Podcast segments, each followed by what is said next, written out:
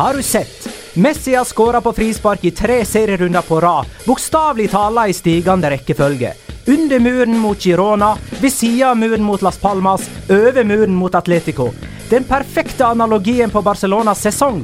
Sjølbildet lå paddeflatt i august, løfta seg i høst, og nå svever de over alt og alle i mars. La liga loca. En litt gærnere fotball. Messi er ustoppelig å skyte etter alle solemerker Barcelona til en ny eh, ligatittel. Cristiano Ronaldo har funnet skåringsformen akkurat i tide til å sikre Real Madrid kvartfinaleplass i Champions League. Kanskje. Men Real Madrid ser ut til å få kamp om tredjeplassen i La Liga av Valencia, som krangler seg til trepoengere. Helg etter helg nå. Og hold på 18! La Liga Locas favorittspiller skåra sitt aller første seriemål denne helga. Det og mer til skal vi snakke om. Jeg, Magnar Kvalvik, og du, uh, Petter Wæland. Hei. Nå no, eiliga. Og du, Jonas Giæver. Hei.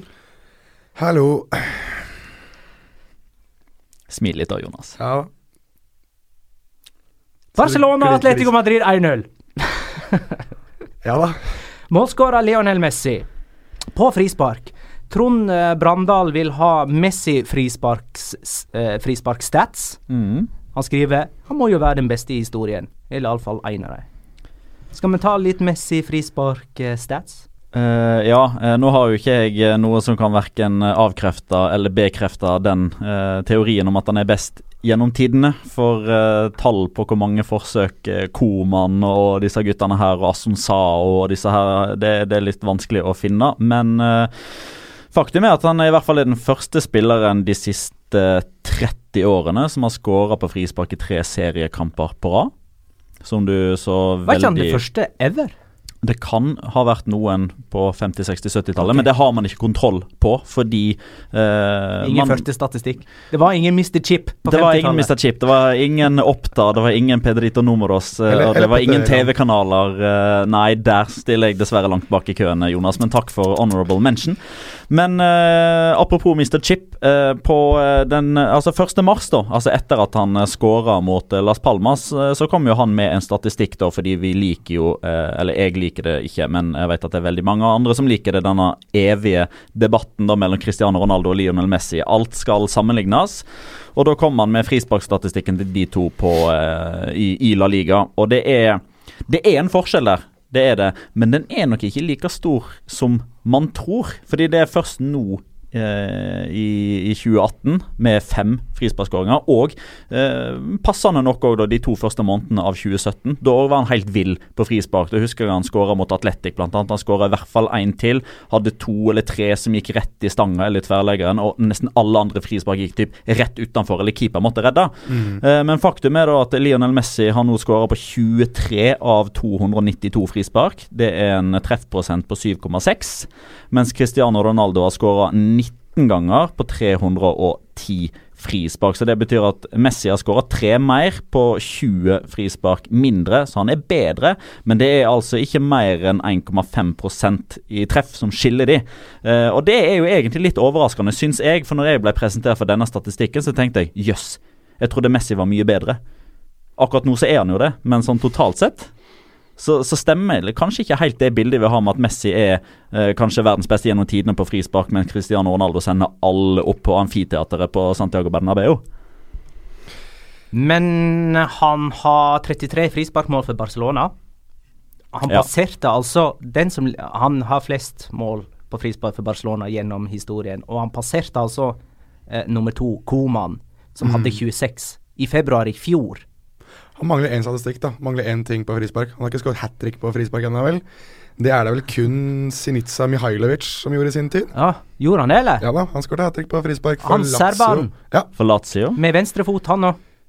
Eh, ja, eller jeg lurer ikke han skjøt frispark med begge bein. Han var en av de som gjorde det. Men han, eh, han hadde trick. Men det var, venstre, det var nok venstrefoten. Ja, men jeg lurer ikke han hadde et med høyre i den kampen her òg. Uansett, han skåret i hvert fall hat trick på, på frispark. Og er vel den eneste jeg kommer på som har gjort det. Juninho Bernambucano gjorde vel aldri det. Nei, eh, Mihailovic er vel den eneste som har gjort det. Men han er jo inne i en fantastisk rekke nå. Det er tre på rad. Eh, I tillegg Mm. så skårer han jo mot Alaves i eh, februar og mot Edal Sociedad i januar. Og nå er det første gangen da i hans eh, veldig rikholdige La Liga-karriere at han har fem frisparkmål i én og samme sesong. Og det er elleve kamper igjen. Og Barcelona kommer til å få frispark i skuddhold, og Messi kommer til å forsøke seg igjen. Det er nesten så det har blitt mer farlig å, å gi Barcelona frispark enn straffespark. Nesten. Nesten. Det er det flere som påpeker eh, i løpet av det siste døgnet. Men eh, skal vi ta litt om kampen, da? Ja. Kan vi godt. Den skuffa jo litt, gjorde den ikke? Førsteomgangen var skuffende. For det, og hvis du spør meg i alle fall, fordi at Atletico var så passive. Mm. De var veldig passive. Det var jo planen, da. Det var åpenbart at uh, Jeg, jeg synes det ble veldig åpenbart at Diego Simione skulle ha 0-0 eller rive med seg 0-1 på en dødball. Mm. Uh, lå kompakt og ville egentlig ikke spille noe særlig offensiv fotball. Hver gang de fikk ballen, så var det opp på enten Griezmann eller Costa, alt ettersom hvem som lå høyest i banen.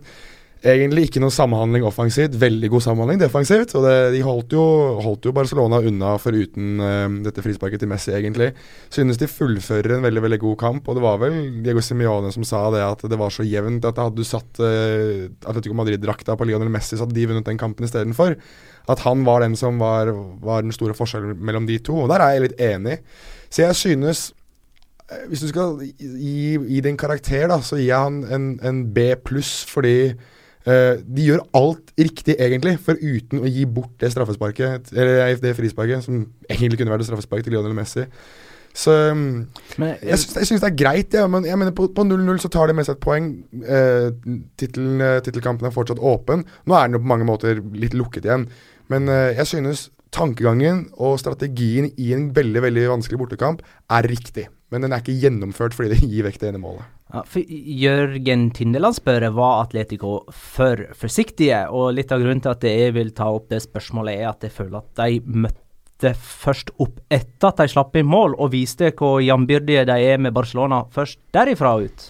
Ja, altså, jeg, jeg følte at de kom til kampen med eh, Altså i større rennafart, da, for å si det sånn, enn Barcelona. Altså Barcelona er jo de som nå gikk fra 11 til 5 poeng, uavgjort mot Las Palmas. Lang reise, den lengste reisa, som Sergio Busquets var veldig opptatt av å påpeke rett etter kamp. At eh, han syntes det var eh, håpløst, i mangel av et bedre ord, at denne kampen ble spilt på, eh, på søndag. Eller eh, rettere sagt, han, han eh, var irritert over at Atletico Madrid spilte på onsdag, og at Barcelona spilte på torsdag. Og at det attpåtil var den lengste flyreisa. De var tilbake en fredag morgen og sånne Mm. type ting. Uh, og, det, og, og med det utgangspunktet der, så hadde jeg forventa mer av Atletico Madrid fra start. At de gikk litt i strupen. Uh, altså selv om man ligger, altså Det å ligge bakpå mot Barcelona er en ekstremt vanskelig øvelse. Atletico Madrid er blant de lagene som har størst forutsetninger for å klare det, men de klarte det jo ikke. Og jeg, jeg tror de hadde tjent enda litt mer på å utnytte det momentumet de hadde, da med Mm. Griezmann, som hadde sju mål på de to foregående kampene. Han var nesten ikke på motstanders banehalvdel engang, før etter at Barcelona tok ledelsen. Men da var jo mye av skadene allerede skjedd. Mm. La du merke til hvor mye han var buddy-buddy med Barcelona-spillerne før kamp, eller?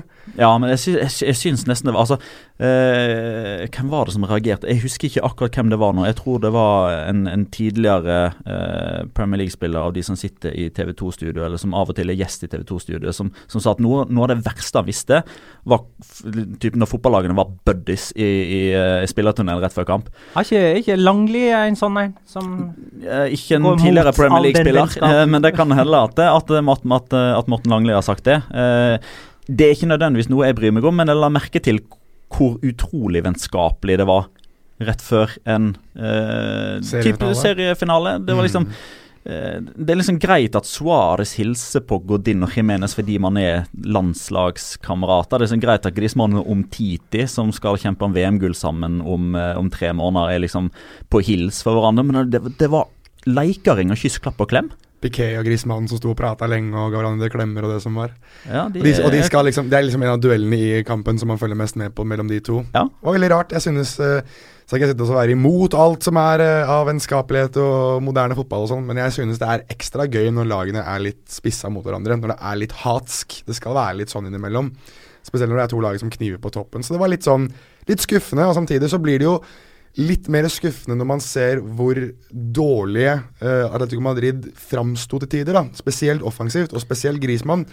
Det, føl det føltes som at de tok med seg den vennskapelige stemninga ut ja, av banen. Ja, nettopp. Nettopp at du, du ville ikke være litt sånn da fandenivoldsk mot motstanderen fordi at Å ja, det er jo kompisen min, liksom. Ja, men altså, Tenk dette tankeeksperimentet her, da. At Nå har det jo blitt litt sånn vanlig, da. Jeg tror Barcelona-spillerne forventer liksom å få den reaksjonen. Eh, altså Nå, nå vet jo ikke jeg om det var typ Barcelona-spillerne som gikk bort og hilste på Atletico Madrid, eller omvendt. Men tenk den psykologiske effekten, da. Hvis Luis Suárez da eksempelvis går bort til Diego Godin og bare ja, ja, halla kompis, og han bare står der og gir han et steinansikt tilbake igjen. Mm. Tenk hvis alle elleve Atletico Madrid-spillerne hadde gjort det. De hadde bare stått der med eh, typ ondt blikk, ordentlig fokusert. Jeg tror de hadde satt en liten støkk i Barcelona. Mm. Var vi litt overraska over at Coutinho starta, eller? Ikke dette den største, viktigste, vanskeligste kampen han har starta for eh, Barcelona? Jo. Ikke, over, Ja, ja. ikke overraska, vel. Det, Men hadde Nei, ikke han nei, med men- på laget med. Men, men, det, men altså, jeg svarte ja på at dette var den vanskeligste kampen. Ja, det, det er jeg enig i, men jeg var, Ja. jeg var ikke sånn overraska over at han starta. Jeg ville jo tro at han er ment for å spille de kampene her. eh, og at han er jo den som på veldig mange måter men det var jo måter samtidig med Iniesta, og han ble jo skada. Jo, sant, sant nok, men du må huske at hvis det skal regne litt sånn også De som husker Coutinho fra Liverpool, vil jo også huske det at det er veldig mange av kampene der Liverpool spilte mot lag som lå veldig veldig dype, så var det Coutinho som ofte var, Mm. var den som på en måte gjorde vei i vellinga og skjøt ut fra distanse og, og Bra var, var et annet uh, våpen. Så jeg var ikke så veldig overraska sånn sett. Men, Men- så hadde jo ikke Liverpool Messi. Nei, det hadde ikke. Det hadde ikke. Jeg var ikke så veldig overraska sjøl, men, men det- typ når man tar eh, lagoppstillingene på lufta, eksempelvis, så var jo det at Coutinho spilte, var jo the talking point. Mm. At han ble valgt foran da eksempelvis Paulinho og, eh, og André Gomez. Ja, Ja, klarte han seg bra. Eh, det kom en apropos av André Gomez her, men for å runde av Coutinho eh, Jeg syns han var helt grei. Han viste, viste noen ok ting, men viser jo samtidig at han er ikke Altså, han er Altså, dette her blir jo som å konstatere at eh, etter mandag kommer tirsdag, men han er jo ikke i nærheten av å være en Messi-type. Han må få lov til å ta frispark snart. Virkelig. Han- Nei, du kan ikke si det nå! Dager! Nei, men når det, når jeg mener, når det er, ikke, ikke sånn, da, men når de er ute på kanten og sånn, som Coutinho har skrudd inn i mange ganger altså, Altså, som vil assistere, men ikke skyte direkte på ja, frispark. eller Han de, kan ta cornerer, da, men de blir jo alltid satt i Ja, gang kort. Ikke de som er like utenfor boksen, der hvor Messi selvfølgelig har klippekort, men nå mener jeg de som Coutinho selv De som er litt lenger ute, som Coutinho har gjort for vane 30, til å- 35? Ja, Ja. som han har gjort for vane å vri krysset mot nesten hvem som helst, hvor som helst i Premier League, og ikke får engang en sjanse på det i, i La Liga. Greit nok, jeg skjønner at uh, Messi er uh, mag magi og stratoferisk og all, alle andre superlativer, men ja, få han i gang, da. Det hadde vært, litt, det hadde vært bra for nå, spesielt mot en motstander som Atletico Madrid, men ja. Det blir litt sånn catch 22 uansett. Men apropos André Gomestad. Det er mange som påpeker for oss, f.eks. Stian, at eh, Valverde ble sint på publikum da eh, mm. publikum bua på André Gomez. Og Petter også. Hjort eh, var på stadion og ble sjokkert over hvor mye buing Ja, André Gomes Gomez ble utsatt for. Sten Solli òg var det. Han syntes det var veldig Hva kan han skrive? Noe, at det var en leit, eller noe sånt. Ja, noe trist Ja, ja. over det. Og, og jeg Mm. syns liksom eh, Altså Det er jo liksom ikke Barcelona-ånd heller, det der. Nei, det er ikke det. Eh, men Ja, men kanskje ikke menn heller. Men altså Kunden har alltid rett, sier man. Eh, så Man skal liksom være forsiktig med å liksom sitte her og fortelle fans på stadion hva de skal gjøre og ikke gjøre. Det jeg syns er rart, er liksom timingen. Eh, altså André Gomez har vært dårlig i lang tid, og han kommer sannsynligvis til å være dårlig i de neste kampene òg. Pick your moment. Altså jeg, jeg har ikke hørt en sånn type buing på André Gomez før enn det det enn i som- den viktigste kampen. det virker som nå, nå har alle bare blitt enige om det. Nå skal vi bue på. Ja, og, ja, og derfor tenker jeg det var rar timing. Mm. Altså i den viktigste kampen uh, av sesongen, uh, der seriegullet kan uh, på mange måter avgjøres. Samtidig så, så syns jeg det er liksom Altså, André Gomez, det er et aldri så lite mysterium. Altså Det er jo ganske åpenbart for meg da at han, han passer Altså, han er jo en kjempegod fotballspiller i utgangspunktet. Han var fantastisk i Valencia, det var en grunn til at Barcelona kjøpte han. Men han passer helt åpenbart ikke inn, først og fremst. Og nå er han Altså, han skylder sjøltillit. Han er langt på minussida. Eh, men det, det må jo være et eller annet der som vi ikke klarer å oppfatte ved det blotte øyet, som gjør at A. Valverde ofte starter med han, og B velger å sette Valverde inn til tross for at det er Paulinho som varmer opp. Ja, Gomez inn, ja. Ja, jeg setter inn André Gomez når Iniesta må ut. Til tross for at det, det var jo Paulinho som varma opp. Det var han som ble sendt i oppvarming, og så plutselig så står André Gomez og er klar. Og Da, da må det være et eller annet der. Og jeg tror ikke Valverde er en sånn type som setter eh, seriegullet i, i, i risikofaren bare på å være sta. Jeg tror ikke det er en sånn type Mourinho som, som, eller sånn type Mourinho-avgjørelse her med at det, nå skal jeg vise verden en gang for alle at jeg har rett. Dette skal jeg fortsette å gjøre uansett hvor dårlig det går. Nei, men du, du er og Det å si, se Mourinho er, er eh, At du nevner han, er ganske eh, ironisk her. Fordi dette er jo veldig likt det Manchester United har gjort i mange mange år med Marwan Fellaini f.eks. Han har jo også blitt buet på, men det Jo, men han har jo én vesentlig ting som han er verdensklasse på. Og Det er hodespill, duellkraft. Man kan godt kalle han for ubrukelig med ball, og sånn, men, men når Marouane Fellaini blir brukt, så skjønner man jo hva han skal brukes til. Jo, jo, men la meg avslutte. Eh, Det Mourinho sier om, om Fellaini, som jeg tror at eh, Valverde kanskje også mener om Gomez, er det at eh, d- han er den enkleste spilleren å si 'gjør den jobben', og så gjør han den jobben som han ønsker. Kanskje ikke, Det ser kanskje ikke bra ut, det er kanskje ikke den ånden supporterne har lyst til at det skal se ut, men veldig ofte så får han jobben gjort. By hook or by crook, som man sier Men på hva er den jobben? Jeg For tror det at- klarer jo åpenbart ingen av oss tre å se ved det blotte øyet. Jeg- Ei heller noen av de 90 000 som var på kamp nå. Ja, det er, noe, det er det, da. Jeg vet ikke om det handler om posisjonering. Jeg vet ikke om det handler om at uh, han Altså André Gomez har noen defensive fibre som ikke han mener Paulinho har. At Ja, det er det, det, er det jeg heller liksom mot. Ja. da, At det er en form for defensiv arbeidskapasitet. Han følger løp, han gjør drittjobben. Uh, han uh, Fysikk, kanskje står på riktig side, sånne type ting. en, en større kropp og dødballer. Jeg vet ikke. Det kan jo være at det ligger noe Gomez det er mot Paulinho? ja, jeg, vet, jeg vet ikke. Altså, jeg, jeg, Svaret er jo nei. jeg, Det er sikkert et par centimeter som skylder de. Altså, jeg bare spekulerer jeg, i hva det kan Mm. være. For vi må jo nesten ned på det nivået for å finne ut hva som er forskjellen på hvorfor han velger André Gomez og Paulinho. All right. Hvem er Iniesta? Det så ut som han fikk en strekk på baksida av låret. Det så sånn ut, ja. Etter, Eh, først, eh, først så datt han jo og landa med, på hofta fra tre meters høgde og måtte ha behandling for det. Dæven, så høyt han hoppa! Ja. Eh, og så, eh, bare minuttet etterpå, så strakk han baksida av låret. Ja, altså eh, Barcelona i sin eh, nyhetssak eh, henviser til det 20. minuttet. Eh, og hvis jeg ikke husker helt feil, så er det før den med Versalico.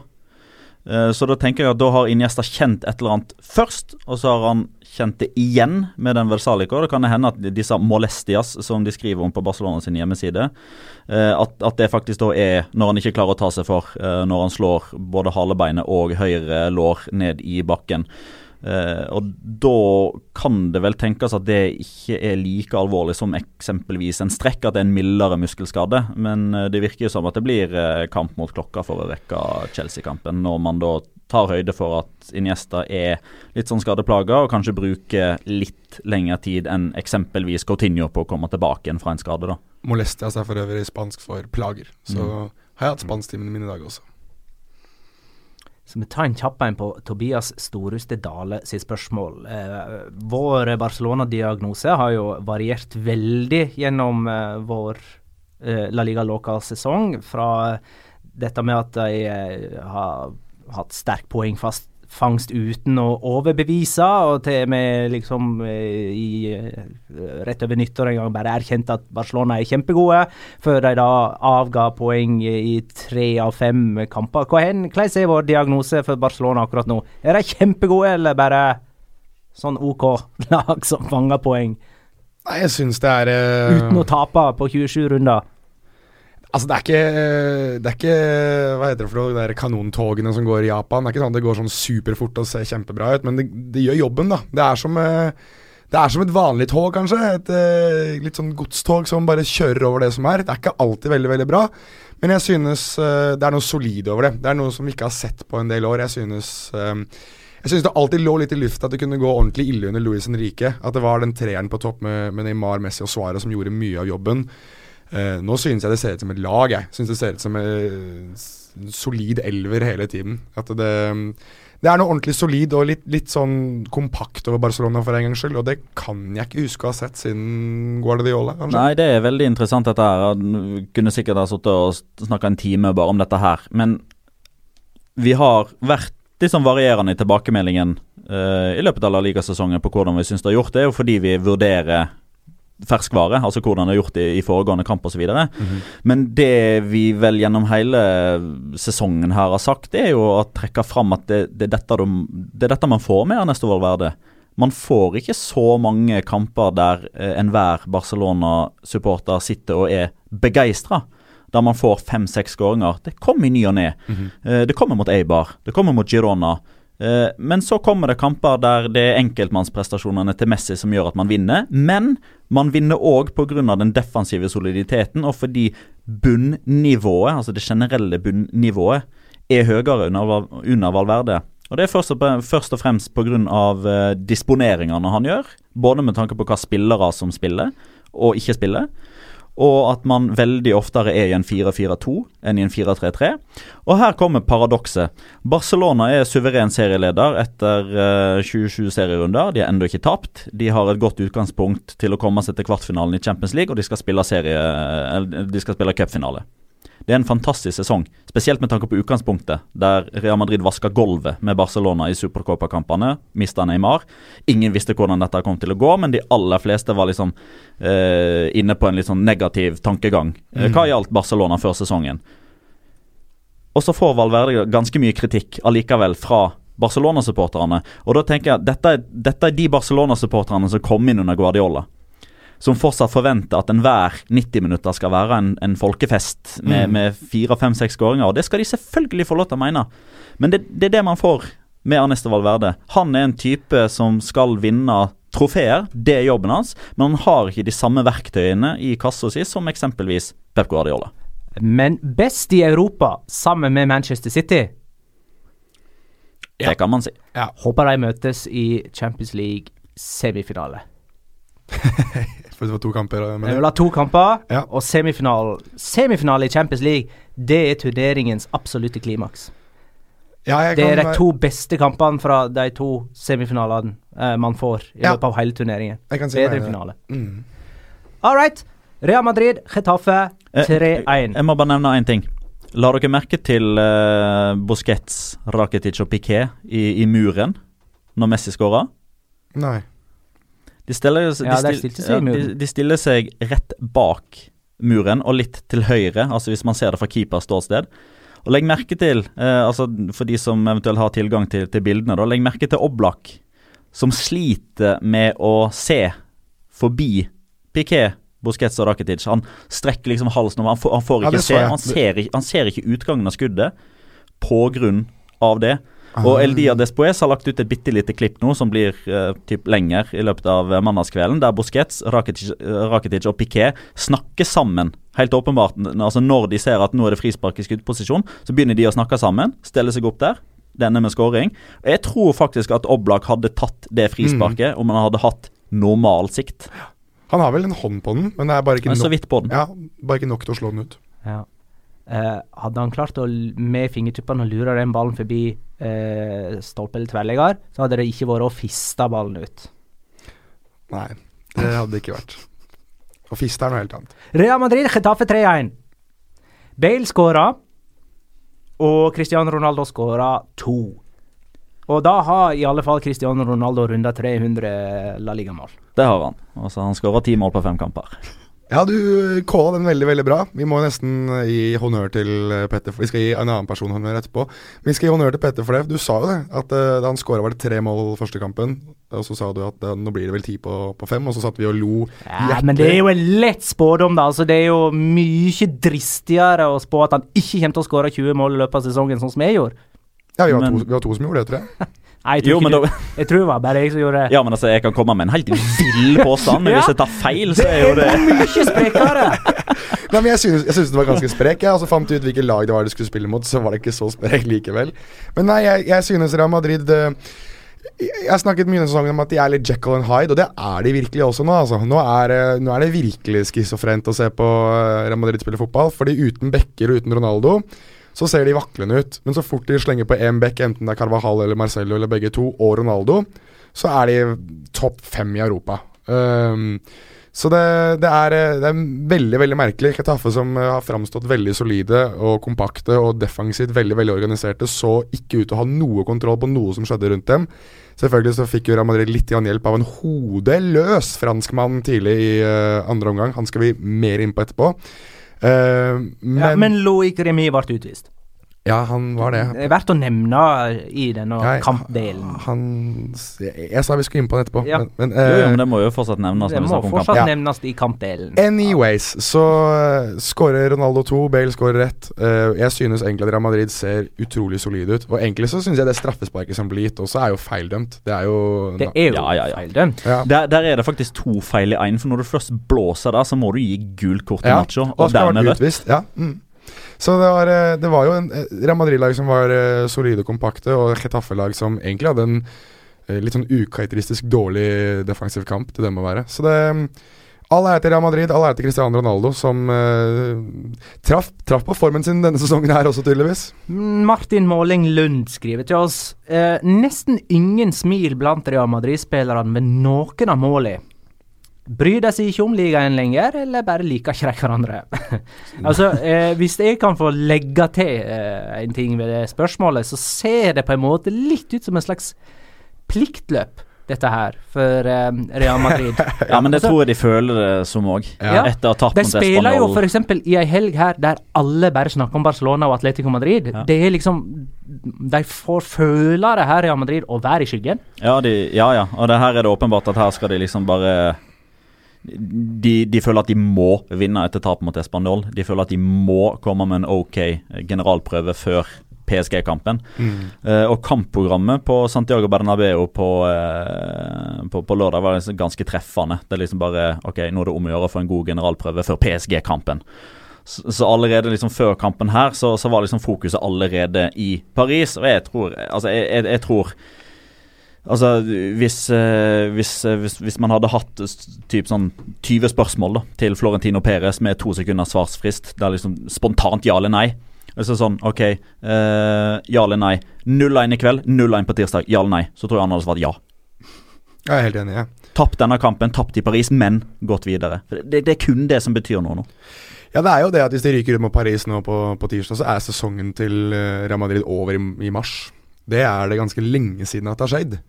Uh, jeg kan vel ikke huske sist gang de var akterutseilt både i Champions League og i La Liga så tidlig. Ja, det, jo, det var jo noen år der de røk ut i åttedelsfinale.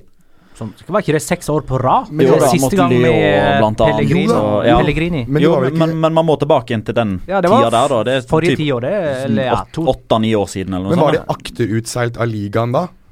I en av de sesongene så var det jo garantert det. Ok, ja. ja de vant jo ganske sjeldent. Pellegrinis og Nei, under Pellegrinis så satte de jo ny poengrekord, men ja. vant ikke fordi Barca tok 100. Ja, for de tok enda større poengrekord. Mm. Men i alle fall da, det er, det, er lenge siden, det, er, det er lenge siden sesongen til Real Madrid var over i mars, for å si det sånn. da Ja, ja vi kan si det. Så sesongen deres står og faller på tirsdag. Martin Hellerud lurer på om uh, Zinedine Zidane vil risikere uh, både Cross og Marcelo, for, for den del Modric, vel, mot uh, Paris Saint-Germain. Han kaster vel inn på det Alle tre er jo i, i troppen. Ja, eh, Modric og, eh, og Cross Jeg blir veldig overraska om begge om begge spiller. altså man, man, får ganske ofte en liksom feeling av at de store klubbene ofte plusser på noen dager når det er en viktig kamp som, som står for tur, som at ja, de er tvilsomme, de er tvilsomme. Så har man egentlig hele veien hatt en oppfatning om at denne kampen her spiller de, men vi bringer litt sånn usikkerhet og får en litt sånn snakkis og en moralboost ved at eh, å, han er med fra start eh, rett før. Eh, men jeg har, jeg har ikke fått det samme inntrykk ikke når det gjelder eh, Kroos og Modric, fordi man var, var, man var, ganske tidlig ute med, med Marcelo-nyhetene. Eh, da kom det liksom drypp, drypp, om at han kom til å klare det. Det var vel egentlig han som var minst aktuell, altså når skadene kom. Altså Kroos måtte Der, der kom eh, beskjeden dagen etter kamp. Modric, da kom det dagen etter at han i utgangspunktet var spart etter en kamp, mens Marcelo gikk av banen med skade eh, mot Betis. Så da var det mer, eh, si, mer trykk på, eh, eller mer oppmerksomhet mot nettopp den. Men jeg er vel ganske sikker på at jeg har fått med meg på, på pressekonferansen til Zinedine Zidane, som har vært noe for ikke så veldig lenge siden, at uh, sjøl han er veldig sånn tilbakeholden på om Modric og eller Kroos skal spille, men at han heller mot nei. Men det kan jo være et taktisk spill, det òg. Paris Saint-Germain mangler bare Neymar. Ser ut som Mbappé klarer seg fint. Mm. Setter sin lit til Angel Di Maria òg, eh, kan det virke som. I fravær av Neymar. Ja, det blir nok det. Hva tror vi? Jeg tror at uh, Mm. Jeg tror at det blir uavgjort, jeg. Jeg tror det blir uavgjort. Jeg tror at Madrid uh, Altså, det, det, er, det er så mye vilje i, i Champions League. Det er, det er et helt annet monster i Champions League, og jeg ble veldig veldig overbevist av dem på Santiago Bernabeu mot PSG, og jeg tror uh, Jeg tror de skal videre nå. Jeg trodde det var PSG da vi fikk, uh, da vi fikk uh, trekningen. Men etter den første kampen der, så Og i tillegg da at Neymar er ute, det er eh, Der tror jeg det hele svingte i Madrids favør. Da Neymar ble skada. Har PSG vunnet 19 strake på hjemmebane. Men det er klart at det er en, en god del av de seirene er til pliktløp mot lag som de skal slå. Men jeg husker de slo jo Bayern München 3-0. De har vel slått eh, Marseille. Usikker på om Monaco og Lyon har vært på, på, på besøk der. Men altså Barcelona bare- 4-0 i fjor. Da de slo Bayern München, så var vel enda ikke Jopp Heinkes Bayern München-trener igjen for fjerde gang. Nei, da var det Angelotti. Mm. Det var vel en av dråpene for, eh, for hans del. Dagen før han fikk sparken eller noe sånt. det. Eller et eller annet sånt noe. I hvert fall altså, så tror jeg Jeg tror bare at Neymar har hatt så stor uh, påvirkning på veldig mange av de 19 kampene. Da. Altså Han har jo vært uh, PSG alene til tider. Greit Ja. nok Cavani og Mbappé er jo kjempegode, de òg. Kjempeviktige. de, de er ganske gode. Det, Det vil jeg òg si eh, Di. Maria er, altså. Ja. Eh, og Undervurdert. hvis Di Maria ser at Kavani står på blank gold, så slår han den pasningen. Ja, det er nettopp det. Men altså, det blir litt som når vi har diskutert Barcelona eh, noe ganske umiddelbart etter Neymar. Eh, altså, det er jo ikke noe som er, som er tvil at dersom alle lag i verden hadde fått et ja-nei-spørsmål, vil dere ha Neymar, så svarer jo selvfølgelig alle ja. Men det er jo ikke dermed sagt at når han ikke spiller på laget ditt, så spiller du med ti. Det er en mann som kommer inn der, og du, du får veldig mye med Neymar, men du mister òg en god del. Eh, og Eksempelvis da, så vil jo Angel Di Maria være en type som er i litt større grad en lagspiller, eh, som òg har veldig god teknikk, som har veldig godt driv med ball. Så jeg, jeg tror Di Maria kan fort bli en profil i morgen, eh, men jeg tipper at når klokka er 22.35 ish eh, tirsdag kveld, så tenker jeg sånn rent umiddelbart at det som avgjorde dobbeltoppgjøret, var 3-1-skåringa i Madrid. Mm, helt enig.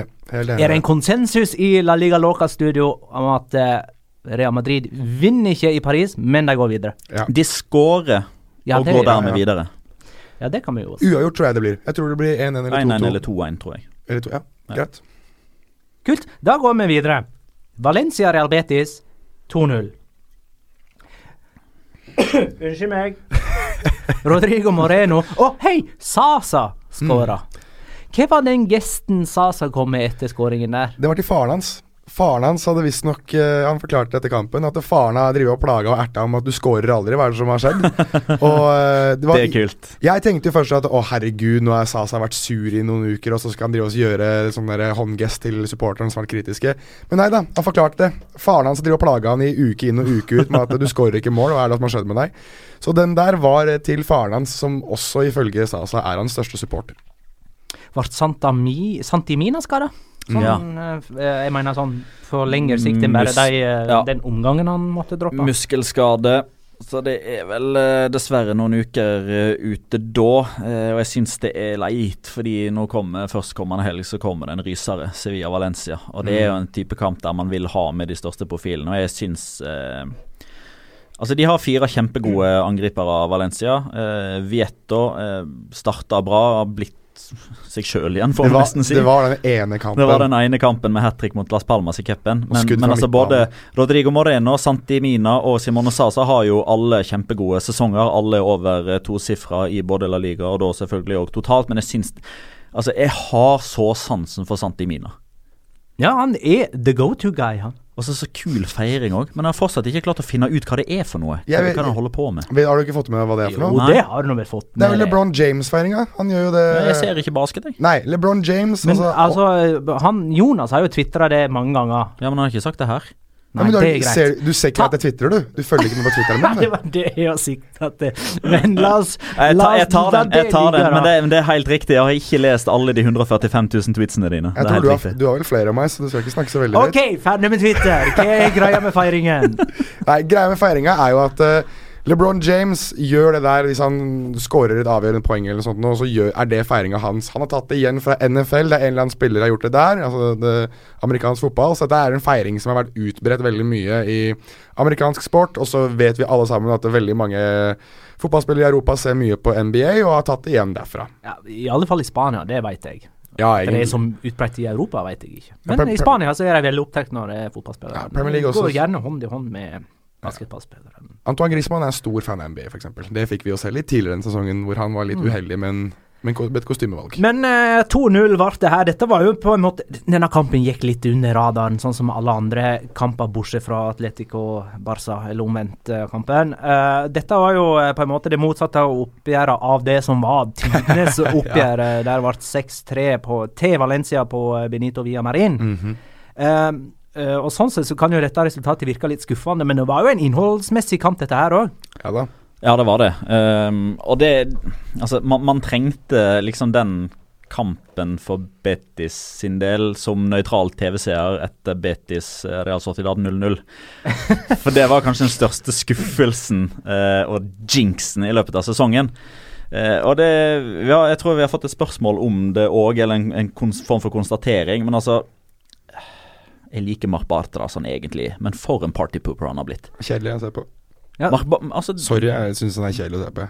Jeg hadde skjønt greiene rundt Mark Bartra uansett. Jo, men- jo, men det er nå én ting. Men altså, Betis er jo ikke Betis lenger. Nei. For, på grunn av Mark Bartra. Ja, nettopp. Men det er ikke fordi han er en kjedelig spillertype. Nei, jeg, og det er, litt, det er litt rart, fordi han er egentlig ikke en kjedelig spillertype. men han har gjort det kjedelig. eh, Jalilian spør oss Ja, det var det. der jeg hadde det fra. Mm. Ja, etter at Bartra kom til Real Betis og Setien la om til tre bak, eh, så har ikke Betis vært det gode gamle. Men det er vel heller det at han lagt om til tre bak. Det er ikke nødvendigvis ja, Bartra blir jo selvfølgelig gallionsfiguren på det, da, men uh, det, er jo, det er jo systemendringen som har gjort at de er litt kjedeligere. At de, spiller litt mer, at de er litt mer føre var defensivt nå. 3-5 mot Real Madrid er den eneste kampen etter at Bartra kom inn som har hatt uh, mer enn tre skåringer i seg. Men spilte de ikke, spilte de ikke to uh, stoppere da? De spilte ikke mye friere da i den kampen her? Eller husker jeg feil?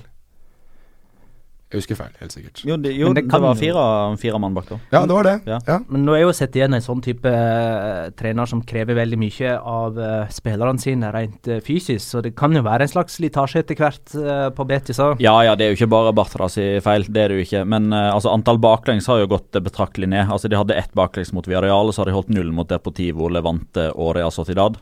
To baklengs mot Valencia, men alle slipper inn to på Mestalla, og så de fem da mot, mot Real Madrid. Så det er ikke noen tvil om at Bartra inn med den pasningskvaliteten gjør at de får langt færre brudd imot på ugunstige eh, posisjoner på banen.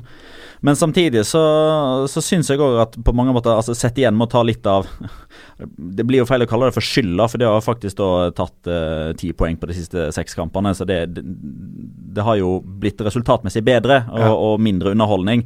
Men det er jo òg fordi man altså nå, nå har han i de siste kampene valgt å spare en del offensive profiler. Altså mot, eh, mot Valencia nå så var vel ikke Ryad Bodebo på banen i det hele tatt. Heller ikke Sergio Leon. Christian Theo kom inn. Uh, han valgte å starte med, med både Amat, Bartra og Mandi i tillegg til Junior i stedet for Domisi. Baragan i stedet for Francis Guerrero. Starter med Camarasa og Javi Garcia og Fabian Ruiz. Og så blir det på mange måter Joaquin og Loren uh, De blir liksom uh, plassert der oppe, og, og lykke til. Prøv å skape noe, dere to. Og det, det Han går litt på premissen mot sine egne premisser, da. Han gjør det.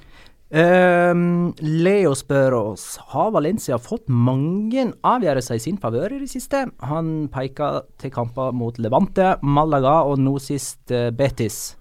Det er en annullert skåring her som uh, fikk meg til å heve Ja. øyebryn. Ja, jeg skjønte ingenting av det. Jeg skjønte ingen vi, vi satt eh, to hjemme hos meg og så kampen. Mm. Vi prøvde å finne ut hva det var for noe, og han Betis kunne ha redusert til 1-2 her på tampen og skapa nytt Ja, det var vel over et kvarter igjen. Ja, det var godt med tid igjen. Og det, det som jeg la merke til Hvilken dommer var det? Hernandez Hernandez. Ja, selvfølgelig var det det. Eh, anyways, det var, jeg fikk bare en følelse av at det kunne vært han. Men uh, han, han er så klar på at det er ikke feil Altså, det er ikke Det er ikke, um, Det er ikke angrep på keeper. Det er ikke angrep på keeper, det er angrep på Gabel Paulista. Det er det han signaliserer. Ja, han står- holdning. Han står og viser sånn type trøyeholdning på seg gjør? dommerdrakt. Ja, Og så er han veldig klar og tydelig på AL. AL, og så peker han på Gabriel. Ja, ikke sant? Ja, men jeg, jeg skjønte ikke Holdning på han, ja. Ja, for jeg så at han drev og dro eller, altså, Han drev og slo seg på sida, eller dro i sida. Men, men holdningen er jo ikke der heller. Det er jo, Nei, og, det da, er jo og, og da er man litt inne på den Da, da, får man liksom samme uh, greia som i Real Madrid Retafe, der han uh, blåser straffe, som er Ja. feil, og viser ikke ut, som er feil. Ja. Og her òg er det sånn typ to feil gjør ikke én rett. Det er ingen holdning der på Gabriel. I hvert fall ikke noe som er verdt et frispark. Det som på mange måter gjør han at i bakkant å kunne rettferdiggjøre det, er at foten til Loren er oppe bortimot i brysthøyde. Altså skotuppen er i nærheten av magen, brysten til Neto. Eh, som man på mange måter da i rettferdighetens navn og i etterpåklokskapen lys kan si det der er nok til å være frispark, så det er ikke en skandale. Men Hernandez Hernandez, det er jo ikke det han dømmer på. Eh, det er jo liksom eh, Altså Hvis man, eh, hvis man raner en bank, eh, så, så blir man ikke satt i fengsel pga. at man raner banken, men fordi man tror at man har gjort noe annet. Altså Det er jo ikke sånn det fungerer. Så den skåringa der skulle jo da egentlig ha stått fordi Hernandez Hernandez da faktisk blåser for og dømmer for noe som ikke har skjedd. Eh, også, men det er klart, det, det blir jo litt forsterka dette her etter den der håpløse greia i Valencia Levante, der Ja. Kåke skårer mål som skal stå. Og så går Valencia rett i angrep og skyter og, og, og skårer. Og i tillegg den 50-50-situasjonen der de får straffe helt på tampen. Mm. Uh, samtidig så er det jo viktig å være uh, på Man må liksom prøve å klare å balansere dette her. da Simone Sasa skulle kanskje ha straffe på 3-0, så det går begge veier. Eh, og mot eh, Mot um? Jo, mot, eh, mot Malaga. Når, de leda, eh, når Malaga leda 1-0, så fikk jo de òg en scoring som var ganske tvilsomt annullert, der de burde tatt ledelsen eh, 2-0. Så det det- er klart at nå, i, i, i tre av de siste fire, så Det er litt småironisk at det er keepersituasjoner og, og Valencia. da snakker, altså, Det var jo Neto som strengt tatt holdt på å slå ned Eller han slo vel rett og slett ned Diego Godin. Ja, og der har du jo en til. Ja. Så det er jo Det er keepersituasjoner og, og, som går i favør Valencia, da som eh, er et lite tema der. Men eh, skal vi tro at Valencia holder kampen med Real Madrid om tredjeplassen hele veien inn, eller? Det hadde jo vært veldig moro, da. Har det noe å si Noe etter Det har Nei, det har ingenting å si. Men, men, men, men, men, men la meg bare få, få avslutte, da. Altså Bare sånn at de ikke får Valencia-fansen på, på nakken her, selv om det er liksom det inntrykket vi sitter med, med nå. At nå i det siste så har de hatt en del avgjørelser uh, med seg. Altså Dette, dette driver jeg og logger. Det er selvfølgelig min personlige mening, så ikke noe fasit. Men Valencia har fått 15 sånne tvilstilfeller i sin favør, og 14 imot. Så det jevner seg utover tid.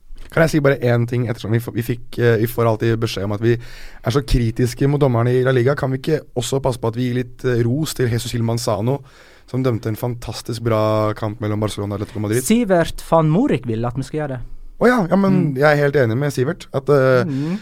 Han hadde ingen feil, han. Det var han eh, og det var jo så mye snakk om at han eh, skulle dømme Barcelona nord og ned og ødelegge for, eh, for deres tittelutfordrer Eller deres tittelrace, kan vi kanskje, kanskje kalle det. Ja. Så, men iallfall, han hadde en kjempebra kamp, og um, vi må nevne det også. Ja, Og så er det jo heller ingen nå som snakker om konspirasjonsteorier. Nei. For hvis man ikke ville at Barcelona skulle vinne La Liga, så hadde det jo bare vært å godkjenne den skåringa.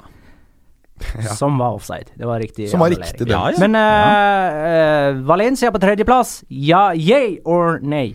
Nei. Nei. Jeg sier yay, da. Jeg er jo den- vågal. Jeg er den vågale. Vågal Magnar. OK, vi skal gå gjennom kampene eh, for øvrig i runden, for det ble jo full runde i Spania. Men vi må dvele litt ved det faktum at det ikke ble full serierunde i Serie A, der vi fikk en påminnelse om hvor skjørt livet er når en topptrent atlet, Davide Astori, i sin beste alder, 31, døde av hjertestans mens han gjorde det vi alle gjør hvert bidige døgn. Han lå og sov. Fiorentina skulle spille bortekamp i, mot eh, Odinese, men uh, våkna altså om morgenen med en død av Davide Astori på hotellrommet. Hæ? Sier vi. Ja. Nitriste greier. Ja, det er uh, Man Jeg føler at når slike ting skjer, eh, og de, de, er, de skjer litt for ofte, og har skjedd litt for ofte i fotballen altså Vi husker Antonio Puerta som da var på banen, Dani Jarque. Eh, som rystet La Liga, som rystet Spania. Eh, så får vi en slags påminnelse om hvor lite viktig fotballen er i det store og det hele. Um, altså, Astore skulle bli Eller hadde nettopp blitt, eh, blitt far. For andre gang, ja. Ja, eh, mm. for to uker siden. Uh, og som sagt, en kar i sin beste alder skulle signere ny kontrakt med Fiorentina vel i dag, mandag. Det ble jo avslørt. At, uh, og Fiorentina har sagt at de skal betale hans kone og familie Det er ikke riktig. Nei, da driter vi i det. Eh, I hvert fall så skulle de signere en ny kontrakt med ham, og eh, sikkert eh, bygge laget på mange måter rundt han, kapteinen til Fiorentina.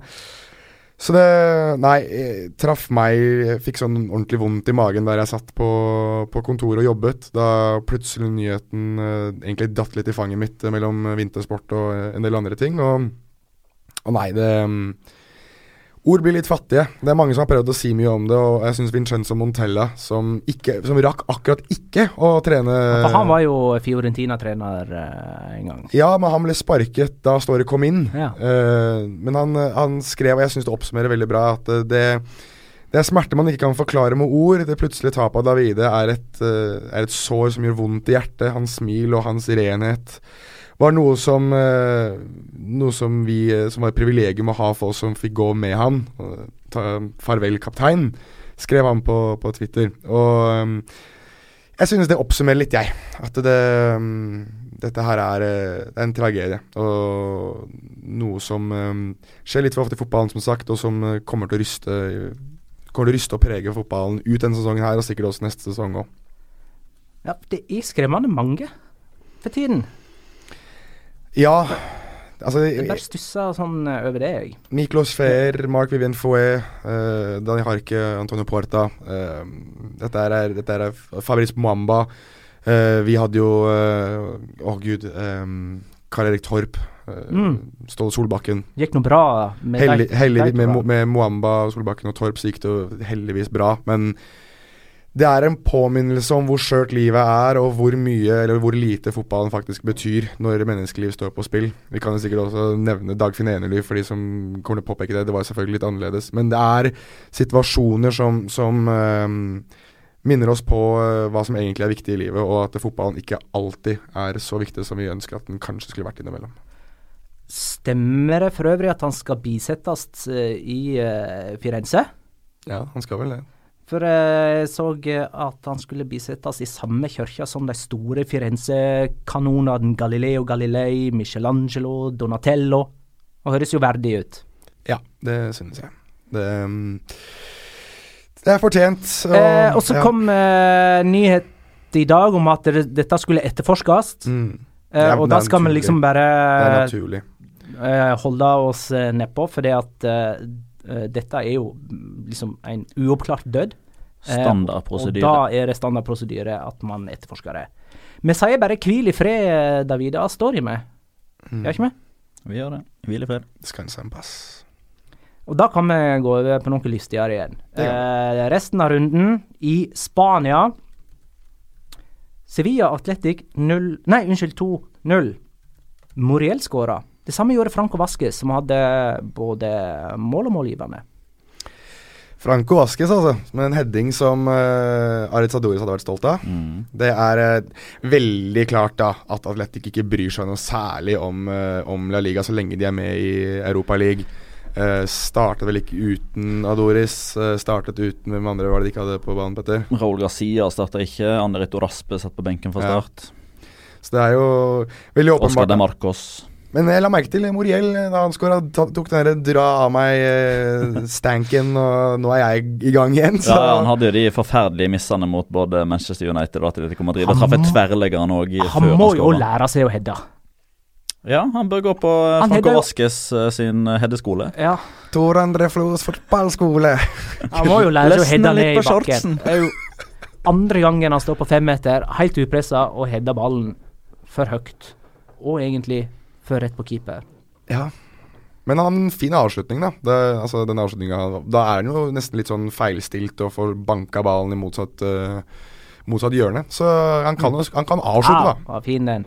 Eh, det som ikke ble mål, men som skulle ha blitt det, var avslutningen til Nolito eh, på heil volley etter pasning fra Banega. Husker ikke den, eller? Jeg gjør ikke det. Nei. Petter, husker du den? Hvem sin Risabel legger med en fantastisk redning. Ja, ja, ja. Mm. Ja, ja, ja, i andre omgang. Mm. Den, eh, det hadde blitt årets mål. Atletic møter Marseille på to torsdag, borte. Og det ser ut som det er der de har fokuset sitt. Ja, jeg vil bare påpeke igjen. Inigo Martinez slipper inn på ny. Mm. Du får ikke seire. Du får, eller du får uavgjort og clean sheet, eller så får du tap. Og denne avtalen som eh, Real Sociedad eh, fikk ordna med Inigo Martinez som trigga utkjøpsklausul, og dermed at de kunne hente Moya inn, ser ut til å funke. Ja, og Hector Moreno, som jo er erstatteren til uh... Skal vi ta den kampen, da? Ja, Real Sociedad Alaves? det vil jeg. fin overgang. 2-1. 2-1. Sorry. Hector Moreno med sitt første Real Sociedad-mål. Ja. Iaramendi skåra sitt sjuende uh, denne sesongen. He Altså, rides like a pony. Oi. han, uh, han uh, Hans skåringsrekord i eh, seriesammenheng lå på tre før han eh, fikk sju, har nå skåra sju mål. da, Og de tre målene skåra han for andrelaget i Segunda B i 10-11-sesongen. Men eh, nå må vi ta det viktigste først her, eh, Jonas. Skjønner du ikke hva jeg sier når jeg sier uh, ponni i forbindelse med Jaramendi? Ah, ja, ok. Jo, greit. Yes, Ja. gå videre, Magnar. Beklager. Go Google skjønte it. Google it. Ja, Jeramendi Pony. Bare Mm. stopp podkasten nå. Er vi på Nei, David trenger- Moyes trenger nå, faktisk eller? ikke stoppe den Nei, engang. Nei, det har ingenting med David Moyes å gjøre. Jeg har faktisk ikke det. Men uansett, jeg synes dette aspektet med å bytte ut Roli og Inigo for uh, Moya og Moreno er ganske interessant. Fordi mange vil kanskje påpeke det at uh, på papiret så er Roli og Inigo Martinez bedre enn Hector Moreno og, og Moya, og jeg er egentlig enig i det, men jeg tror her ser du to spillere som har masse å bevise, kontra to spillere som jeg tror er litt mette og var, både er og var litt ferdige med Real Sociedad, i hvert fall i sitt hode. Fordi Moya kommet inn, roer ned forsvaret, kommuniserer, gjør det enkle, gjør, gjør egentlig også et par vanskelige ting til tider. Moreno fikk det ikke helt til i, i Roma, har masse å bevise han også. Kommet inn, en bærebjelke i forsvaret, en bærebjelke i det sentralleddet til Real Sociedad. Skårer mål, virker som han bringer entusiasme til laget også. Så det er egentlig bare vært så enkelt at å fjerne verkebyllene i laget, eller de som kanskje ikke hadde lyst til å være der lenger, og tilsette to spillere som ser ut som de er eh, akkurat der de ønsker, og har akkurat de rollene de ønsker, og du får gode resultater. Jeg syns de spilte fantastisk bra. Villarreal Girona 0-2. Girona forbi Eibar og opp på sjuendeplass i eh, La Liga. Tre seire på de siste fire seriekampene. Eh, Det ene oppgjøret de ikke vant, var mot Barcelona på kamp nå. Jakob Berge spør er Girona den største overraskelsen vi har vært borti. Som opprykkslag. Det er vel ikke den største overraskelsen jeg har vært borti. Okay, det er det nok ikke, men denne sesongen så er det jo det. Uh, og som opprykkslag så kan man godt uh, ta til orde for det. Jeg husker Almeria tok vel en mm. åttendeplass med Emeri for 10-11-12 år siden. Ikke det Man- 07-08 eller var det 08-09? En av de to. Ja, sesongene. Ni-ti år siden, da. Uh, vi må tilbake igjen til det, tror jeg. Du Og Eibar, kanskje, den aller første sesongen. Ja. Eh, Racing Santander under Marcellino. når de ble nummer seks. Ja. Mm. Og. Levante den sesongen de ble nummer seks. Når de leda og De leda jo serien ut i november. Noe sånt. Jeg husker Osasona ble nummer fire i 05-06 eller 06-07 eller noe sånt. Spilte Champions League playoff eh, kommende sesong under Javier Agirre. Men det er altså Porto Stuani. For et deilig, deilig, deilig spisspar. Antin Lozano også, som kom inn og bare, Chocolate. bare la på enda mer deilighet med å bare Den her legger jeg i krysset. Ja. Deilig. Nei, jeg uh, Skulle vært annerledes for offside. Ja, men det, det driter vi litt i. Ja, vi driter litt Jeg syns uansett det er litt morsomt. Jeg, så, jeg syns uh, litt sånn målstatistikker og sånt er spennende. Og på de syv siste kampene så har Girona sluppet inn syv mål. Seks av de kom mot Barcelona. Så det er jo lag som eh, eh, på mange måter tettere igjen, sånn foruten når de møter Barcelona, kanskje, da, men uh, som har sett gode ut defensivt også nå. Uh, kanskje ikke bare nå, men jeg syns de har vært ganske solide begge veier hele sesongen. Så tidlig Det kan nesten allerede gi den der årets trenerprisen til Pablo Machin, syns jeg. Altså, det er altså, Med mindre de virkelig kapitulerer nå på slutten, så skal det være van det er vanskelig å slå han. Altså. Mm. Deportivo Eibar 1-1. Inui skåra for Eibar. Og så ble det sjølmål på eh, Dimitrovic helt Mm. på tampen. Eh, Deportivo sin første skåring under Sedorf der, da. Sånn i riktig retning. Ja, det er det. Jeg har funnet ut eh, hvem, hvem Marko Dimitrovic ligner på. Uh, ja, men, han, på vegne av oss alle. Uh, Nei, på bare, vegne av meg. Ja. uh, er det noen som så på Smurfene da det var litt yngre? Gargamel, han slemmingen i Smurfene, det er Marko Dimitrovic. Så sø søk opp meg. Google it. Ja. Eh, Petter gjør det nå. Og Ja, jeg gjorde det. Ja, ja, det er godkjent. Det er Gargamel i målet til, uh, til Depor. Koval eh, ble utvist i Deportivo. eh, Kan vi si at han var maksimalt uheldig? Eh, jeg Eller han var maksimalt, maksimalt klønete? Ja. Ja. Kan, kan vi kalle han for Kung Fu Koval etter eh, det røde, røde kortet sitt også? Mm. Oh, jeg fikk så vondt av han, altså. Det ansiktsuttrykket Koval når han Ikke det Kung Fu Panda, men kan si Koval Panda. Oh, ja. Meget bra. Jeg fikk så vondt av han, så ansiktsuttrykket når, når han reiste seg opp etter å ha sagd Ja, det eh, ser jo ut som han knekker kneleddet. Ja, ja. Er det er en helt forferdelig grisete takling. Jeg Eh, men, men det er liksom Altså det ansiktsuttrykket da Når du først har vært ute og eh, vært på blåbærtur og kommer hjem igjen med tom kurv eh, og baklengs i stedet Vi snakket jo om det Ja, ja, altså, ta, ta den eh, beskrivelsen, Jonas. Nei, Jeg syns det er så gøy, fordi at da, da innlegget kommer inn fra høyre, så kommer han ut ah, 'Jeg har den, jeg har den, jeg har den!' jeg. Nei, nei, nei, nei, er nei, nei. Ja, det er målet til Inui, og så Han er på vei, og så 'Nei, jeg har den, jeg har den, jeg har den!' jeg har den Og så 'Nei, nei, nei, nei jeg har den ikke, jeg har den ikke!' jeg har den ikke!» Og så bare scorer Inui. Ja. Så ligger han der og spreller. Det er eh, Nei, eh, altså Hva skal man si om, om, han, da? Han Nei, er kanskje- første keeperdebutanten i La Liga-historien som blir utvist. Hva er det? Ja, ja. Første keeper som debuterer i La Liga med eh, rødt kort. Eh, og når han kom til Deportivo nå i januar, så skulle liksom han komme inn og fikse dette keeperproblemet. Han er den femte keeperen som vokter buret for Deportivo la Corona denne sesongen, og det forteller jo alt. Én ting er som at de bruker eh, spanske Robben Ruben Martinez. Eh, han er jo fra Galitia i tillegg, om jeg ikke husker helt feil. Så har de hatt eh, Francis, eh, som er fra Kamerun. Eh, du har hatt eh, Perchumislav Tyton, som er polsk. Kostel Pantelimon, som er rumensk. Og nå altså ukrainske Koval. Det er helt tydelig at keepertreneren til Deportivo han er ikke flerspråklig. For Her er det ganske tydelig at eh, man har litt kommunikasjonsproblemer med hvordan man skal snakke sammen. Eh, og når han kom, da altså Han er jo på lån fra Dynamo Kiev. eh, og vokta jo buret der en ok periode, så jeg tenkte dette her kan ikke være så, ga så gærent. da men Så kom det noen dansker eh, og eh, fortalte hvordan han hadde vært i Superligaen. For han, var, han har jo òg vært, på lån, han har vært på lån i Odense. Eh, for å si det sånn, da. Eh, jeg fikk et par tweets etter denne eh, kampen her med en type påminnelse. Hva var det vi sa? Ja, Stakkars. Levante Spanjol 1-1. Morales førte Levante i ledelsen på et straffespark de aldri skulle ha hatt. Baptista utligna minuttet på overtid, og nå har Levante sparka sin trener Juan Ramón López Muñiz. Og hyra Paco López, Mm. som ikke er Paco Chemes. Det, er ikke, det er helt riktig, det er forskjellig etternavn. Er det, er det Paco Må ikke forveksles. Nei? Jeg- jeg- For jeg leste Paco Chemes, skjønner du. Første Å, ja. jeg så nyheten. Ok. Eh, ja, nei, en tidligere Villarreal B- og C-trener. Han har hatt eh, B-laget til Levante, som spiller på nivå fire. Og har ti, tatt de til tabelltopp, og det er tydeligvis nok da, til at man eh, stoler på en av sine egne kontra og går ut og eksempelvis da forsøker å få Joaquin Caparros som en, eh, som en nødløsning ut sesongen. Men altså Man ser på spillerstallen til Levante, da, så, så er det egentlig kun Det er kun én spiller der som gir meg troa på at dette her er mulig å redde. Altså Nå har de 15 kamper på rad uten seier, 12 på eget gress. Eh, alt som kan gå galt, går galt. Altså 0-1 mot Alaves i det 90. minutt på torsdag, 1-1 i det 91. minuttet mot- mot Español på, eh, på, eh, på søndag. Det, det sitter noen og kaster noen sånne onde kuler over Tiotate Valentia. Altså. Og, men den eneste mann som kan snu dette her, den eneste mann som er mulig for Levante å selge ved et eventuelt nedrykk, er José Luis Morales. Altså, for en mann. Altså, når han For en mann, faktisk. For en fotballspiller, da. Eh, når han krummer nakken og ser ut som ringeren i Notre-Dame, og det går i 100 H Det er så fint å se på. Liker Ivi Lopez, jeg, da. Ja, han er ganske fin, han òg. Men ikke i nærheten.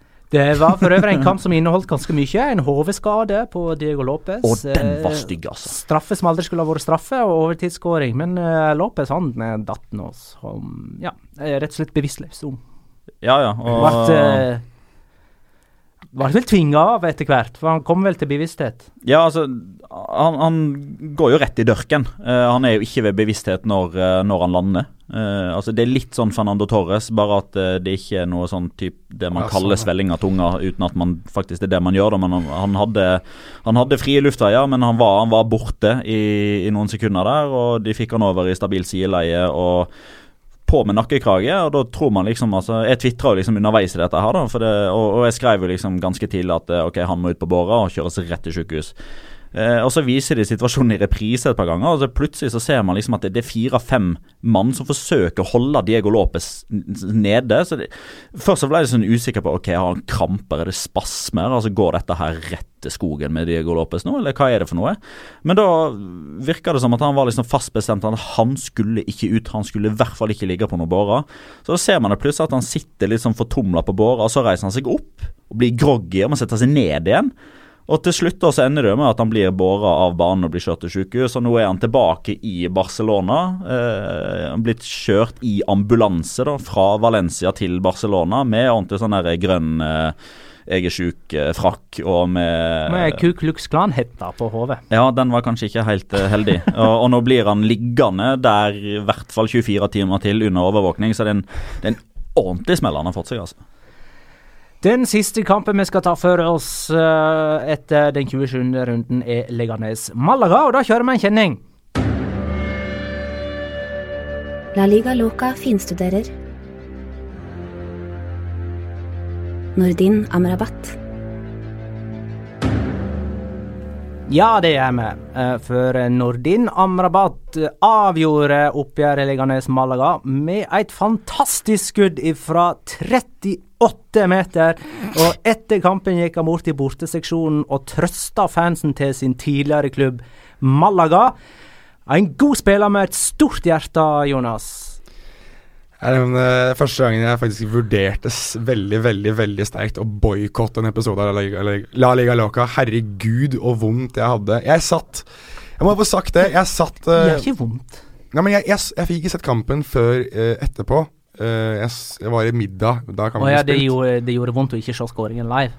Nei, det gjorde vondt å få tweets og meldinger om at det faktisk eh, hadde skjedd. Men det jeg vil si, var at eh, jeg satt på uh, trikken uh, til dit jeg skulle på middag da kampen akkurat hadde gått i gang, og da fikk jeg sånn stikk i kroppen. Jeg hadde spilt, uh, spilt 12-13 minutter. Jeg fikk sånn skikkelig sånn stikk i kroppen. Og da, å herregud, nei. Ja, ja, I dag scorer Norden Amrabat. Jeg var helt sikker på at det skjer. Så jeg tvitra det. Og da, hvis du sjekker tidspunktet, så er det da før han gjør det i løpet av kampen. Du calla det faktisk. Jeg jeg, gjorde, det. fak jeg gjorde faktisk det. Det var Eh. ganske utrolig at, eh, at eh, du traff. Ja, jeg synes faktisk det. Jeg er litt, litt sånn småstolt, men samtidig litt sånn skuffet over meg selv at jeg calla den. Men øh, det er ikke det som er øh, det vi skal prate om. Det er vel mer det at han faktisk har skåret et mål. Og da tenker jeg jo det at Malaga har vi jo sendt øh, nord og ned, og nå slipper de inn to mål mot Leganes. Det ene er Amrabat. Altså Det er jo bare å avskrive Malaga øh, en gang for alle, når øh, selv Nordin Amrabat klarer å skåre på dem. Men skåringen i seg selv er jo et skudd fra distanse som Kanskje ikke 38 meter. Nei, det er vel mer 18, kanskje. uh, men ok. ehm, det er jo det mest amrabatiske målet du kommer til å få noen gang. Da, for den stusser jo i gresset foran keeper Roberto og vipper over han og i mål. Hei sann. Tim, Tim Flowers. Ja, det er litt sånn Tim Flowers over det. Men gud hjelpe meg og amrabatisk det skulle bli når han først skårte mål. da Altså At han har prøvd det skuddet ganske mange ganger, det er greit nok. Han, det, de har jo skutt utenfor og truffet eh, blokk og det som er, og keeper har tatt dem.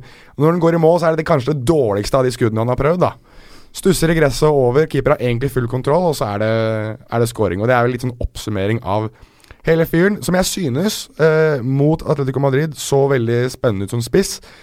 Nå er han tilbake igjen til å drive med de chip-pasningene sine, og innlegg, og tull og fjas. Innlegg er tull og fjas. Hans innlegg er tull og fjas, ja. men han fikk gul kort for flashback til eh, da Franco Vasques uh, dro luke på ham mot Sevilla, for det holdt på å skje igjen. Denne gangen gikk han ut i full strekk, dro med seg det som var av Jeg husker ikke hvem det var på kanten. Kan det ha vært uh, Alberto Bueno som var ute på sida der og skulle prøve seg på en litt samme variant. Amrabat fikk helt hetta, dro en full spagat nesten. Dro med seg det som var. Gult kort. I Sandum spør uh, Kommer Malaga til å få en eneste seier til i løpet av denne sesongen? Det, han klarer ikke å se hvem de skal slå. Nei, de slår jo ikke Amrabat, da. Så det De slår jo Barcelona på hjemmebane nå kommende helg. Ja, der ser du, Sandum. Uh, de får var... én seier til mot Barcelona nå kommende helg. Roberto Rosales var det sånn. Var det Roberto Rosales? Ja. ja. Uansett, det var uh, det er sikkert mange som har lyst til at jeg skal si mye og blåse meg opp enda mer enn jeg burde, men uh, Nei da, det holder nå. Det holder nå. Ny kjenning. Ukens La Liga Locura. Locura. Locura. Locura. La Liga Locura. Kan jeg begynne? Mm. Jeg eh, begynner med en uh, epidemi som herja og ramma flere La Liga-klubber. Jeg kunne ha nevnt uh, Deportivo La Coruña. Malaga kunne ha nevnt. Levante, kanskje. Men denne epidemien som kalles motgang, vil jeg eksemplifisere med Viareal, faktisk. Eh, nå skal jeg vise Viareal litt sympati, Petter. Mm. De har nå tapt to strake kamper mot de to småklubbene som kjemper om europaligaplass, Eibar og Girona, og er ramma av motgang. Og når du har motgang, da spiller motstanderens keeper sin livskamp og varter opp med sine livsredninger. Du får ikke straffe selv om du blir felt i motstanderen 16-meter. Du får ikke straffe selv om motstanderen henser innenfor 16-meter. Og motstanderen kan bygge opp angrep i fred og fordragelighet i offside-posisjon. Og så kan motstanderen selvsagt med den største letthet og med bind for øynene skru ballen opp i krysset fra 20 meter. Det er en eh, pest og en plage. Eh, det hjelper ikke hvor god man er når man er ramma av eh, motgang. Viareal har nå 41 poeng. Det er akkurat like mye som de rykka ned med i 11-12-sesongen. Og nå når immunforsvaret deres er fullstendig forderva av motgang, så ser jeg ikke vekk ifra at når siste serierunde kommer, så er det en teoretisk mulighet for uh, nedrykk. De er bare 20 poeng over nedrykksstreken. Med 33 poeng igjen å spille om. Dette blir spennende. Alt kan skje. Kan jeg spørre Petter om en ting bare før vi går videre? Roger Martinez, hvor eh, mislykka er det prosjektet der, egentlig? Veldig. Ok. I hvert fall per nå, da. Ja. ja. Vil du ta neste? Uh, jeg kan ta neste, uh, og det er fra Deportivo mot Eibar. Um, fordi Clarence Sedov hadde jo vært uh, trener fire kamper før. Da hadde endt med ett poeng og null skåringer. vi var så vidt innom det i stad, men for å liksom For å um, prøve å igjen sette ord på de følelsene som Riazor-publikummet må ha hatt den første drøye halvtimen der. altså Apropos motgang. Eh, da har altså Fløs Nå har de 360 minutter eh, på rad uten skåring. Og I forrige hjemmekamp så hadde de straffebom og to i metallet, og da tenkte man ok, dette her, nå, nå må det løsne. Fem minutter, Andorne brenner gigantsjanse. Åtte minutter, Lucas Perez brenner gigantsjanse. Elleve minutter, Maxim Koval, eh, debutant, ute og spreller. 0-1. Florian Andorne treffer stanga etter 31. Og han gjør jo for så vidt det òg når de omsider da skårer dette målet, som ja. er litt sånn locora for meg. For den, På den femte store sjansen, da, de har fire i metall og straffebom på de to siste hjemmekampene. Florian Andorne header i stanga. Og, og Marko Dmitrovic blir jo stående litt sånn i ro. Altså han, han, skjønner at 'denne tar jeg ikke', så han blir liksom bare stående og se litt sånn perpleks. Og så treffer ballen innsida av stanga, og er jo på, på vei inn i fanget til mm. Dmitrovic. Hvis han bare hadde stått helt i ro, så tror jeg den ballen ikke hadde gått inn i mål, men han prøver å fange den og glippe den inn i eget mål. Og på den måten så skårer du altså Deportivo sitt første mål på 390 minutter under Clardin Ceder. For hvis de skal fortsette å belage seg på sånn type hjelp, da er det bare å booke togbilletter til eh, Logo og Ponferadina Ponferradina og Alcorcon neste sesong. Nedrykk, altså. Ja. ja. Du tok eh, Deportivo-motgangen, du, da. Som, mm. Mm. Jonas? Ja, jeg, eh, jeg, har to i samme kamp, jeg, da. Uh, og den ene er jo uh, Kjære, kjære, kjære Loik Remi. Altså Endelig så får han starte en kamp for, for Getafe. Og dette her er prov på overtenning og lyst til å bevise noe for en trener og kanskje for gamleklubben som ikke lot han spille i, i Las Palmas osv. Det første gule kortet han får etter 25, er, eh, er gult. Altså, det er Altså Jeg husker ikke engang hva det var, men jeg husker jeg satt og tenkte at ja, det her er gult. Greit. Det var albue, øh, viser Petter her nå. Greit. Men to minutter inn i andre omgang øh, du, er, du, har et gult kort. Du skal være litt forsiktig. Det er greit at du har lyst til å sette deg i respekt, men hvorfor skal du opp med armene i ansiktet da? Hva, hva, er det som går gjennom hodet når du skal smelle armene dine opp i ansiktet på Nacho Fernandes? Jeg, jeg skjønner ikke det. Og for, for uh, Helt korrekt også sitt andre gule, uh, utvist, og du bare ser uh, gutta på benken, egentlig alle sammen Uh, Bordalas og resten er sånn Ja, ja, der ødela du den kampen for oss. Og kommer mest sannsynlig ikke til å starte når han kommer tilbake heller, så han har ødelagt mest sannsynlig alle sine sjanser i Chetaffe. Men foruten det så var det én ting, og det er, litt, det er, litt, trist at vi må nevne denne gruppen her to ganger i løpet av samme episode, Magnar. Men jeg la merke til at det, det ble litt dårlig vær, så ikke det har vært i Spania og i store deler av Europa.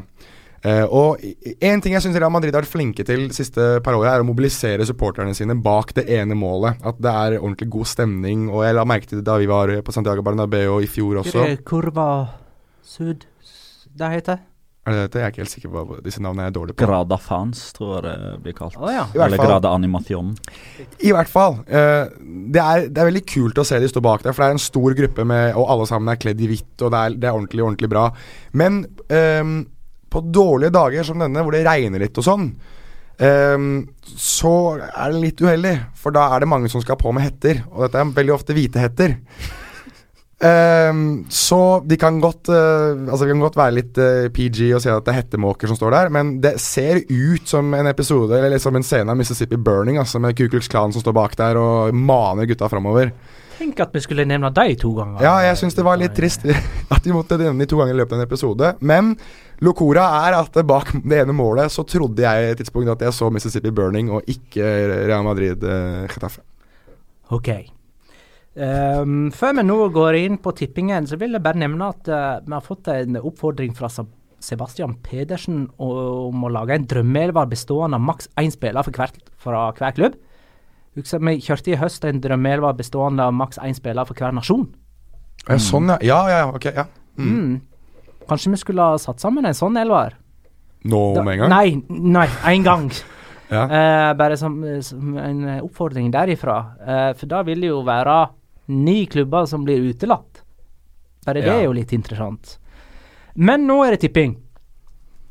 Uh, da ser det altså sånn ut etter at vi tippa i uh, Barcelona Atletico, der Petter hadde 1-1. Det er feil. Uh, med Grismann som første målskårer. Det var feil. Null poeng på Petter, det tror jeg er første gang. Mm. Altså på 14. Jeg tippa 3-1 til Barcelona uh, med Suárez som første målskårer. Det er ikke godt nok. Uh, Tar selvkritikk, men ett poeng i alle fall for heimeseier. Oppe på ni. Jonas hadde 2-0 til Barcelona med Messi som første målskårer. Det gir tre poeng, det, Jonas. Oppe på ti. Tett og, og, spennende mellom oss to. Hvor mye var det du hadde, sa du? du hadde Ni. Ah, okay. Du passerte meg, du nå. Jeg gjorde det. Er Sevilla-Valencia vår neste kamp? Ja, det syns jeg. Det Lørdag klokka 16.15. Petter? 2-1. um, denne kampen her er jo bare noen dager før United-kampen, så her kan det være enkelte endringer. Uh, jeg ender til 2-2, og første målskårer blir Rodrigo Moreno. All right. Jonas? Ja, jeg hadde ikke tenkt at det var før United-kampen, så da gir det jo litt mer mening at det kanskje er et litt annet lag som stilles. Um, oi, det er vanskelig plutselig. Um, jeg sier to, Jeg må si 2-2, jeg òg, for det, var, var, det, er liksom det eneste jeg kommer på som kan gi mest mening her. Um, første, første målskårer Nolito. Denne her er oppe. Jeg sier 2-3. Oi. Ja. Ben Jedder. Jøss. Yes. Ja. Målfest. Mm, ingen tro på heimeseier. Spennende. OK. Eh, da takker jeg alle de som har sendt oss eh, spørsmål og innspill til innhold. Og selvsagt da til alle som lytter på eh, podkasten vår. Og så har du kanskje noe sånn generell informasjon, Jonas? Jeg har en liten ting først. Ja. Uh, Jonas Gjæver senior er 54 år i dag. Gratulerer med dagen, José Bordalas. Gratulerer med dagen, José Bordalas. Ja, og jeg takker på vegne av oss begge to, jeg. Ja, og så Og jeg skal jeg kjøre det generelle? Uh, I alle fall de med T-skjorte.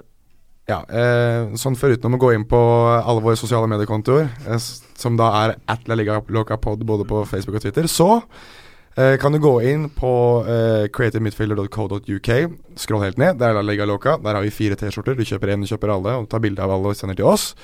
Eller så kan du jo også ta deg bryet med å gå inn i iTunes og like podcasten vår. Gjerne gi oss fem stjerner og skriv en liten vurdering. Vi har over 200 vurderinger nå i iTunes på podcasten vår. Vi har fem stjerner i, i iTunes, så det er veldig, veldig bra. Det er alltid veldig koselig. Så hvis de som har lyst til å gjøre det, ja, tar seg tiden til å gjøre det, det setter vi veldig pris på. Det gjør vi. Tusen takk for at du lytta, kjære lytter. Ha det, da.